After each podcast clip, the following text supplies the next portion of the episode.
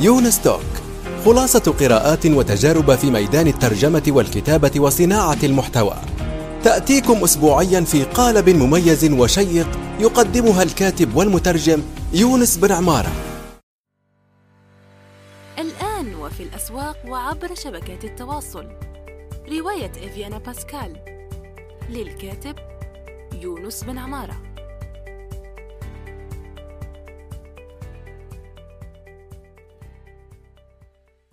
إن خير من استكتبت قلم قوي وفكر رصين. استكتب. منصة صناعة المحتوى النصي في العالم العربي. السلام عليكم ورحمة الله وبركاته في حلقة جديدة من يونس توك في هذه الجمعة المباركة. صباح الخير مساء الخير أينما استمعتم لهذا البرنامج. نشكر كل المتابعين في السنة الفارطة والماضية. ونشكر المتابعين في هذه السنة الجديدة التي نأمل أن تكون سعيدة ومليئة بالنجاحات والإنجازات للجميع. أه، وصلتني عدة أسئلة يعني بضع الأسئلة. هناك سؤال أه، عبارة عن تعليق في منصة يومي التي أنصح باستخدامها لتنمية مهارة أه، الكتابة اليومية. ووصلتني عبر الإيميل كما وضعته في مدونتي. سوف نجيب أولا على التعليق السريع آه، في منصة يومي الذي يقول يسعد أوقاتك أخ يونس بعيدا على عن الترجمة. أريد أن أسألك من من آه، عن أنواع البرامج التي تستخدمها في إعداد برنامجكم يونس توك وما هو نوع الميكروفون الذي تستخدمه؟ يمكنك تأجيل الإجابة عن السؤال في حال كنت تنتوي الحديث عن ذلك في من خلال برنامجكم مستقبلا. خالص التحايا. شكرا لك. هو المعلق موري. آه، هو اسم مستعار أكيد. نشكره على هذا السؤال. وأنا قبل كنت أسجل مباشرة في آه، برنامج أنكور أفام دوت أفام. لكن بعد التحديثات الجديدة التي آه، أتى بهذا هذا التطبيق في الهاتف يعني لم يساعدني كنت أضطر أحيانا إلى تسجيل مرتين و آه، يحتاج أيضا إلى إنترنت سرعة إنترنت عالية. لذلك أسجل حاليا بالهاتف سامسونج بطريقة عادية يعني من البرنامج الأصلي للتسجيل لتسجيل الصوت في آه، الهاتف سامسونج. وعدته أيضا بالحديث عن آه، الإحصائيات الإحصائيات تقول لدي 2805 آه، آه، يعني total plays all time يعني آه، تشغيل مرة تشغيل 2805 مرة تشغيل إجمالية منذ أن أطلقت هذا البودكاست وهو حاليا في الحلقة الواحدة وثلاثون. وكل حلقة يعني معدل تشغيل كل حلقة على حدا. هي 90.5 آه، يعني 90.5 مرة تشغيل لكل حلقة هذا متوسط التشغيل لكل حلقة. سوف أضع في التدوين المرافقة لهذه آه، لهذا لهذه الحلقة. سوف أضع يعني آه، صورة screenshot للإحصائيات من لوحة التحكم في حسابي الخاص ب Anchor dot FM نذهب إلى الأسئلة الأخرى التي وصلت عبر الإيميل. ونصها يقول السلام عليكم أخي يونس. أود أن أشكرك أولا على بودكاست بودكاستك يونس توك ومساهماتك في حاسوب ومدونتك ونشرك للأدب وكل ما هو جميل. أريد أن أسألك بضع أسئلة. هو لديه قائمة يعني نشكره آه، نشكر هذا السائل الذي أرسل السؤال عبر الإيميل. ويتكون يعني سؤاله من ثلاثة أجزاء والجزء الأول هو ما رأيك في ذاكرات الترجمة؟ Translation Memories. وهل هي فعالة؟ إذا كان نعم فما هو الطريق المناسب للاستفادة منها واستخدامها؟ الاستخدام الأمثل. اثنان عن الترجمة التعاونية لترجمة كتاب علمي مثلا كيفية التنظيم والاتفاق على المصطلحات والاستمرارية وغيرها. ثلاثة عن ترجمة الكتب المتخصصة الترجمة مثلا أو الطب والهندسة. هل يستطيع المبرمج مثلا أن يترجم إذا أجاد اللغتين أم من المفيد ترك هذا العمل لمترجم محترف والإشراف على الترجمة من قبل مختص؟ كما ترون هناك ثلاثة أجزاء يعني لهذا السؤال يعني ثلاثة أسئلة في سؤال واحد. السؤال الأول ما أولا لا يجب أن نشرح للذي لا يعرف يعني ما هي ذاكرة الترجمة ما هي؟ دخلت الويكيبيديا العربية وسوف يعني نشرح ما تعني ذاكرة الترجمة وباختصارا هي يسمى يعني اختصارا TM اختصار للكلمة الإنجليزية Translation Memory. هي عبارة عن قاعدة بيانات تخزن مقاطع من آه، الترجمة يعني أو عبارات من الترجمة والتي يمكن أن تكون عبارة عن جمل أو فقرات أو ما يشبه الجملة عناوين أو عناصر في قائمة. تم ترجمتها من قبل وذلك لمساعدة المترجمين لذلك لمساعدة المترجمين. تقوم ذاكرة الترجمة بتخزين النص المصدر والترجمة المطابقة لها في أزواج لغوية تسمى وحدات الترجمة.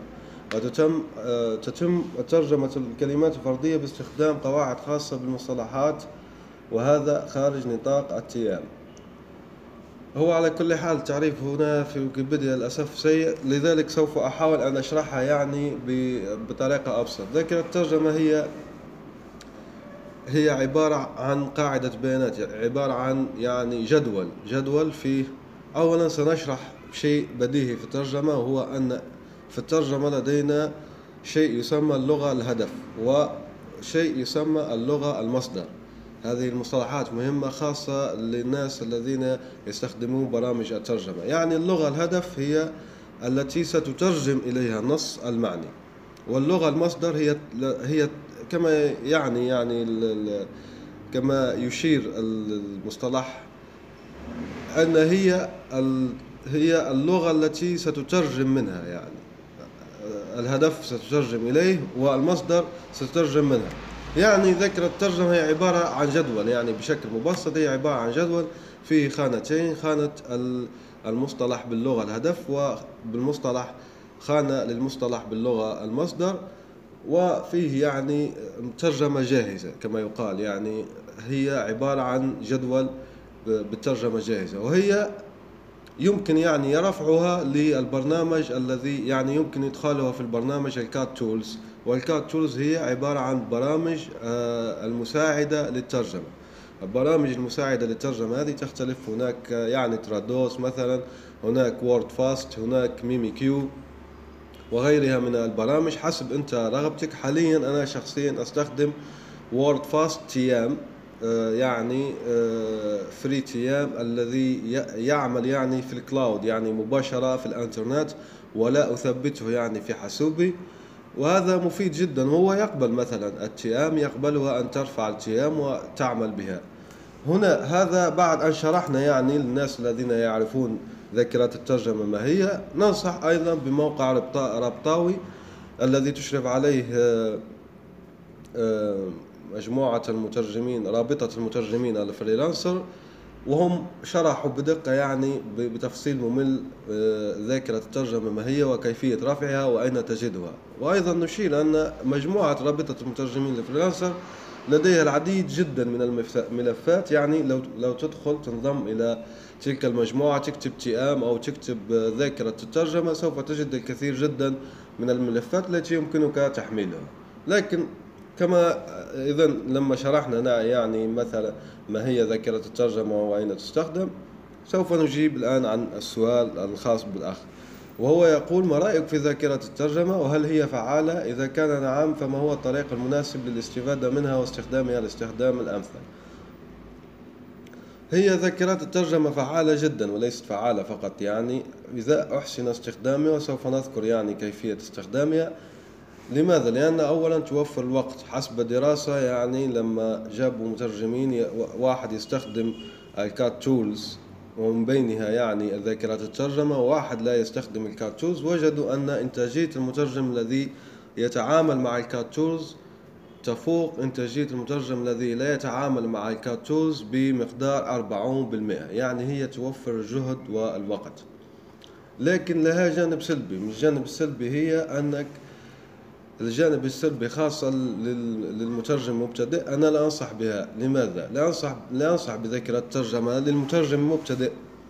لأنها أولا تثبتك على البحث ولما تثبتك على البحث يعني لما تلقى جاهز أنت ولست متأكدا يعني من المصدر مئة بالمئة فهي يعني تخليك ما لا تحفظ الكلمات التي مرت عليك. وأحيانا في ملفات كبيرة تسبب التشوش أيضا لأن مهما كان هي ذاكرة الترجمة عبارة عن مجموعة من الاجتهادات المترجمين السابقين لكن ليست كاملة يعني. ليست موثوقة مئة بالمئة أو تحظى بالكمال كما يقال أو كاملة مئة بالمئة ولا شك فيها. لا. ذاكرة الترجمة هي عبارة عن اجتهادات المترجمين السابقين وهذا كثرة استعمالها خاصة كما قلت في البداية تسبب تثبيط المترجم وأيضا يعني ما يكون يبحث كثيرا أو يجدها لأن عملية البحث في المترجم يعني لو أنت تبحث وتجد الكلمة بنفسك تحفظها. حتى لو بحثت عنها يعني ممكن لا تحفظها من المرة الأولى لكن المرة الثانية المرة الثالثة المرة الرابعة. مرة الرابعة تحفظها وتصبح أصلا خبير فيها ومتعمق بل ويمكن وهذا الذي يحدث للمترجمين المحترفين يمكن أنك تخرج بترجمة محترفة. غير مسبوقة يعني أو ممكن سبقك عليها واحد لكن أنت لست على اتصال به. تكون يعني ممتازة جدا. إذا كما يقول ما هو الطريق المناسب للاستفادة منها؟ شخصيا أنا حسب الملف يعني. هناك ملفات أنا ذاكرات الترجمة متى أنصح بها؟ ذاكرات الترجمة أنصح بها للمنظمات الأممية. يعني عندك منظمة الصحة منظمة الغذاء منظمة اليونيسيف منظمات التعاون الاقتصادي المنظمات التابعة للأمم المتحدة لأن الأمم المتحدة لديها ذواكر ترجمة والمنظمات الكبيرة يعني الحكومية الكبيرة والعالمية تلك لديها يعني ذاكرات ترجمة. أنت لما يجيك ملف ولا يجيك دليل ولا يجيك كتيب خاص بهم من المستحسن أن تستخدم ذاكرة الترجمة لكي تسهل عملك. هنا أنا شخصيا أرى أن هذا بالضبط الحقل الخاص هذا يعني هو ممتاز جدا في ذاكرات الترجمة. من غير هذا الحقل لا أنصح باستخدام ذاكرة الترجمة. لماذا؟ لأن قلنا تعرقل آه، آه، تطور المترجم الطبيعي.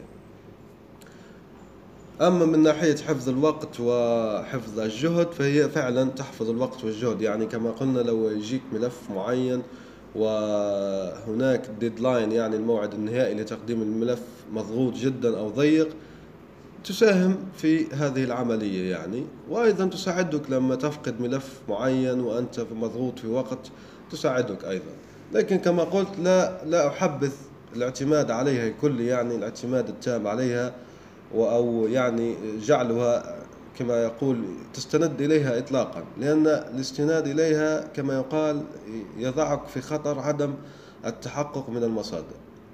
كما قلت يجب أيضا أن تتأكد من مصدر ذاكرات الترجمة ما هي. هل هي موقع رسمي؟ أفضل أن تنزلها من المواقع الرسمية وأن تسأل المترجمين الآخرين وت...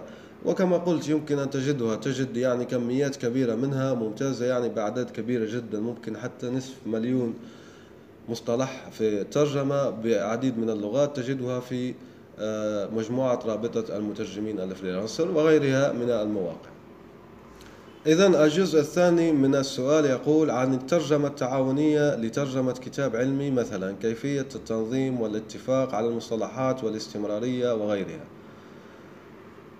أوكي هنا يجب أن نشير أولا إلى أن هناك في الإنترنت حاليا هناك منصات. عبارة المنصات هذه شو عملها؟ العمل الأصلي لهذه المنصات هو تنظيم فرق العمل. يعني مثلا منصة مثل Trello اسمها Trello ومنصة مثل Slack ومنصة آه، عربية في هذا المجال اسمها منصة كرز. هذه مهمتها تنظيم الأعمال. مهما كان عملك يعني هي صح أنها بدأت مثل Slack معروف أن المبرمجين مهتمون بها لكن هي ليست مختصة بالمبرمجين. Trello مثلا ليست مختصة بالمبرمجين وأي واحد لديه فريق عمل بالأخص لو يعمل عن بعد فهو يستخدمها وهي ممتازة يعني. هذه أنت من المفروض أنك تقتبس نظام العمل الموجود في هذه المنصات أو تستخدمها نفسها. يعني أنا أنصح شخصيا باستخدام منصة تريلو ثم منصة كرز العربية. إذا كانت موجودة على كل حال لأني مدة كبيرة لم أدخل أبحث يعني عن منصة كرز لكن تريلو هي موجودة وناجحة ومستمرة في النجاح وتحقق يعني نجاحات تجارية ممتازة وهي ماضية قدما في هذا المجال. اذا كيفية التعاون؟ مثلا انت تقول لي كيفية التعاون؟ أنصحك مثلا تدخل تريلو ما دام انت تجيد الإنجليزية تدخل إلى مدونة موقع تريلو الخاص. لما تدخل هم يعطوك نصائح تيبس يعطوك توصيات كيفية يعني تنظيم العمل كيف تبدأ العمل كيف يعني تنظم العمل كيف تنظم الوقت كيف كذا. لكن أنا هنا أعرف أن السائل هنا يشير إلى كيفية بالضبط الترجمة يعني التعاونية. أول شيء يجب علينا أولا يعني ترجمة كتاب علمي هنا هو أين؟ يعني هل هو في مبادرة أو هل هو يعني آه، في دار نشر. يعني مثلا هل أنت تتعامل مع دار أو مؤسسة دار نشر والعمل مدفوع أو في في مبادرة علمية مجانية يعني في الويب العربي إذا كان يعني في مديرية من المفروض تكون يعني مديرية أو وزارة أو دار نشر فهم لديهم نظام ولديهم يعني آه، كيفية عمل سوف يخبرونك بها ويقسمون يعني العمل. من ناحية يعني آه، المبادرات التطوعية أيضا هناك من المفروض أن هناك يعني آه، رئيس فريق هو الذي ينظم. هناك من ينظمون يعني مثلا العمل في الواتساب هناك من ينظمون العمل في آه، الماسنجر وهناك من ينظمون العمل في التليجرام وغيرها يعني من تطبيقات المراسلة لكن الترجمة التعاونية هو حسب الكتاب. هناك مثلا أي كتاب الكتب العلمية معظم الكتب العلمية تتكون من فصول. ومعظم أيضا الفصول تكون متقاربة الحجم. يعني مثلا نفرض أن هناك كتاب علمي فيه سبعة فصول. السبعة فصول هذه كل فصل يعني عدد كلماته يشابه الفصل القادم. ممكن هو يزيد ينقص أكيد يعني بس هو الفصل يكون يعني متقارب يعني في الحجم. فأنت لما يكون لديك مثلا خمسة فصول قسم يعني فصلين فصلين فصلين لك وفصلين للشخص هذاك والفصل الأخير تتفقون. أنا أفضل يعني الفصل يشد واحد يعني فقط وليس يقسم لأن الفصل يكون لديه روح معينة لديه يعني آه، لديه أسلوب خاص به لديه كتلة يعني كلية لديه يعني هيكل كلي خاص به فالأفضل أن يترجمه واحد يعني واحد يأخذ ثلاثة أو واحد يأخذ آه، اثنان وإذا كان عدد الفصول زوجي يعني مثلا يقسم بالعدل ويمضي في الترجمة. هنا ترجمة تعاونية هناك أكثر هناك مثلا موسوعات كبرى الموسوعات الكبرى هذه معناها عدد صفحات كبير جدا مثلا 1200 1500 آه، صفحة هذه تتطلب أكثر يعني من مترجم وممكن يعني مثلا ثلاثة أو أربعة مترجمين وليس مترجمان فقط. أنا كانت لي تجربة فقط يعني مع العدد اثنان يعني اثنين مترجمين في كتاب واحد مع أني ترجمت يعني في الكتب التي توليتها ترجمت معظم يعني أكثر من 90% من الكتب والباقي ترجمها آه، الشخص الآخر يعني زميل العمل. هنا كما يقال كما قلت يعني ترجمة تعاونية لكتاب علمي تنظيم الاتفاق. هناك شيء يسمى أيضا الجلوسري. جلوسري ما هو وما ما يعني يعني الجلوسري؟ جلوسري هو بالعربية مسرد. هو عبارة عن جدول لكن ليس هو ذاكرة ترجمة جلوسري وحده وذاكرة ترجمة وحدها يعني الجلوسري هو عبارة عن جدول فيه الترجمات التي تضعه أنت شخصيا يعني. ما ما تجيك من من مكان آخر أو تلقاها جاهزة للتنفيذ. ممكن تلقى جلوسريات يعني شركات أو منظمات معينة مثلا شركة أرامكو. يمكن تجد في دوائر المترجمين الخاص بها تلقى مسارد أو جلوسريات يعني آه، خاصة بها وتمضي وفقها. لكن في الكتاب خاصة لو يكون يعني كتاب جديد وفي مصطلحات جديدة أنت مضطر لأن تنشئ المسرد يعني من الصفر. تضطر أنك تنشد تنشئ المسرد يعني جلوسري من الصفر. هنا ننصح أنك تفتح يعني آه، هناك جداول جوجل جوجل لديها مستندات جوجل وجداول جوجل. تدخل في جداول جوجل وتنشئ جدول وتضع المسرد الخاص بك وتضع مشاركة للمترجم الخاص بك. وأيضا جوجل ممتاز جدا. لماذا؟ لأن هناك قسم للدردشة يعني. في نفس الملف هناك قسم للدردشة. أنت تضعه تضع الجدول عبارة عن مشاركة ويدخل المترجم الآخر وتحدثونه يوميا. وباستعمال التليجرام مثلا أو الواتساب أو كما قلنا كرز أو تريلو لأن هذه التي ذكرتها يعني هي المستخدمة حاليا تتفقون على كيفية العمل والاستمرارية وغيرها. فيما, فيما يخص الاستمرارية هنا حسب المترجم. لا لا أنصح بالتعاون مع عدم الملتزمين. يعني تتعاون مع مترجم محترف ومترجم حتى لو لم يكن محترف جدا جدا لكن يكون لديه حس الالتزام. لأن ما أكثر مشاريع يعني التي بدأت خاصة تطوعية خاصة تطوعية ما أكثر المشاريع التي بدأت ونترجم هذا الكتاب والتحمس ثم الناس تفقد الحماس.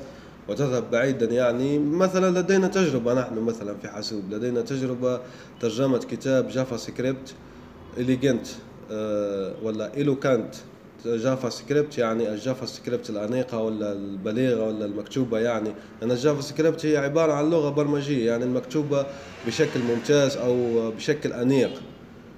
بدأنا في الترجمة لكن للأسف الحماس خبى بعد مدة ثم انقطع تماما. هذه يعني كما قلنا نشير إليها لأن الاستمرارية هي تأتي من جدول عمل يعني من المفروض الإنسان يكون أول شيء منظم وقته. يعني كما يقال أنا الفلان هذاك يقول لك أنا مثلا عندي ساعتين كل أسبوع مثلا أقدر أخصصها للتطوع. والآخر يقول لك مثلا لدي خمس دقائق كل يوم وهكذا التنسيق يعني. ولا يجب عدم إرهاق النفس ولا يجب يعني الفشل وهناك هذا تقع على عاتق الفريق يعني. قائد الفريق يجب أن يكون هو عبارة عن قوة محركة لبث الحماس وتأجيج تأجيج الحماسة وتأجيج يعني روح المبادرة حتى يكتمل الكتاب. لأن كما أن هناك يعني محاولات فاشلة هناك أيضا محاولات ناجحة. مثلا آه، مبادرة ذكرتها في الحلقة السابقة مبادرة ترجم. والتي آه، تشرف عليها الأخت تهاني الهاجري بارك الله فيها وفي يعني هي هي التي أججت الحماس وتوصلوا الآن إلى ترجمة 500 فيديو كراش كورس في الإنترنت. بارك الله فيهم وفي جهودهم. نذهب إلى آه، الجزء الثالث من السؤال والذي يقول عن ترجمة الكتب المتخصصة مثلا في ترجمة آه، مجالات الترجمة مثلا الترجمة المقارنة ودراسات الترجمة المتخصصة أو الطب أو الهندسة. هل يستطيع المبرمج مثلا أن يترجم؟ إذا جاد لغتين أم من المفيد ترك هذا العمل لمترجم محترف والإشراف على الترجمة من قبل المختص؟ هنا يجب أن ندقق في شيء وهو ما الغرض أصلا من الترجمة؟ الغرض من الترجمة إذا كان هو توطين العلوم. شو يعني يعني توطين العلوم؟ توطين العلوم والمعارف المتقدمة. توطين العلوم والمعارف المتقدمة هو أن تأخذ المعرفة التي يعني اكتشفها العلماء والتقنيون في بلد آخر وتجعلها متاحة في بلدك وبلغتك. هنا اللغة العربية يعني الفصحى الدقيقة ليست مطلوبة. لذلك نشجع نحن المترجمين حتى من متخصصين يعني واحد متخصص في الميكانيك أو متخصص يعني في الدارات الكهربائية المهم يترجم. لا نطالبه بالدقة الدقيقة معنى الدقة المضبوطة جدا للترجمة لأنه هو هدفه أن ينشر المعرفة. وهنا نتسامح معه ونتساهل يعني ممكن حتى نسميها الترجمة المتساهلة. فليترجم. يترجم بالعامية يترجم يعني بال بالرسم يترجم حسب ما فهمه مثلا يعمل فيديو يعمل فيديو يوتيوب مثلا ويترجم حسب ما فهمه ويعطوك يعطوك فكرة. هي صح ليست صحية جدا جدا. يعني إذا الإنسان يعني مضى فيها بشكل كبير جدا يعني ليست جيدة لأنه ممكن يعطي معلومات خاطئة ويمكن أيضا يخطئ في بعض الأشياء. لكن نحن نتكلم هنا عن الأشياء العامة يعني التي هو متخصص فيها بحيث إمكانية سوء الفهم أو الخطأ شبه منعدمة يعني هو بيعرف الدارات مثلا أو يعرف كيفية البرمجة أو يعرف كيفية كذا من من شبه المستحيل أن يخطئ. يعني مثلا واحد لديه خمس سنوات في ال JavaScript.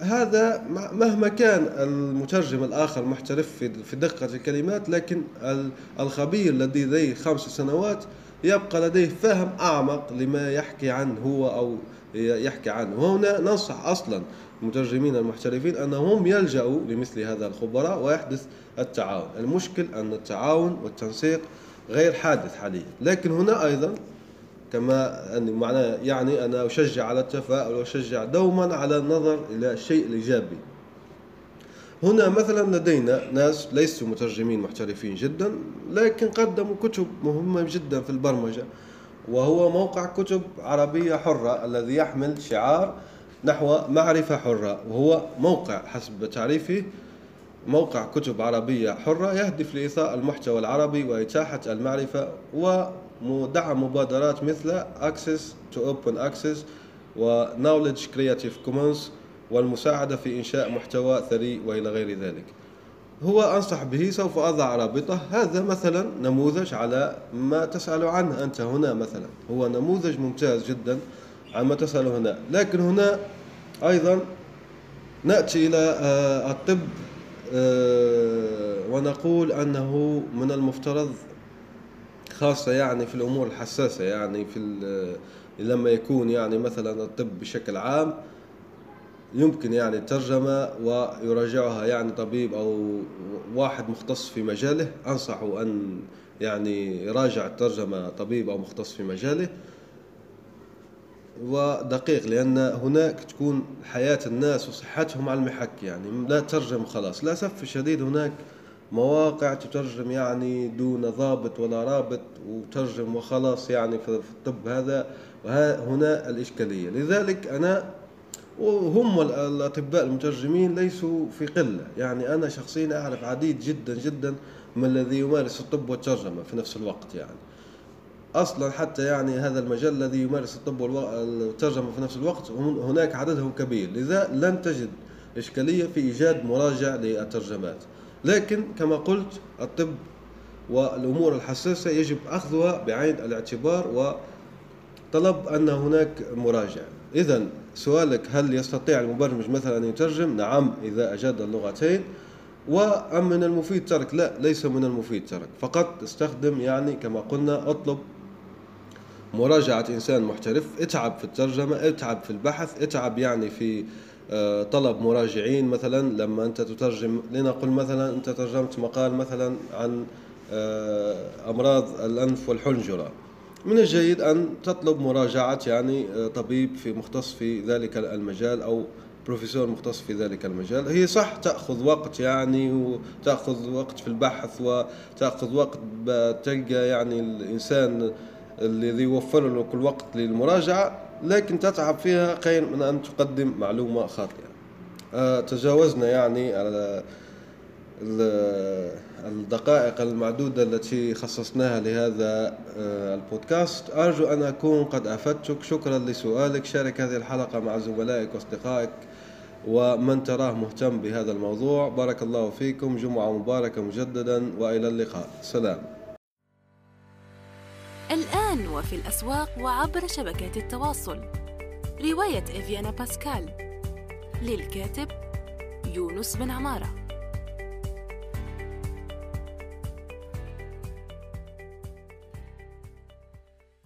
إن خير من استكتبت قلم قوي وفكر رصين.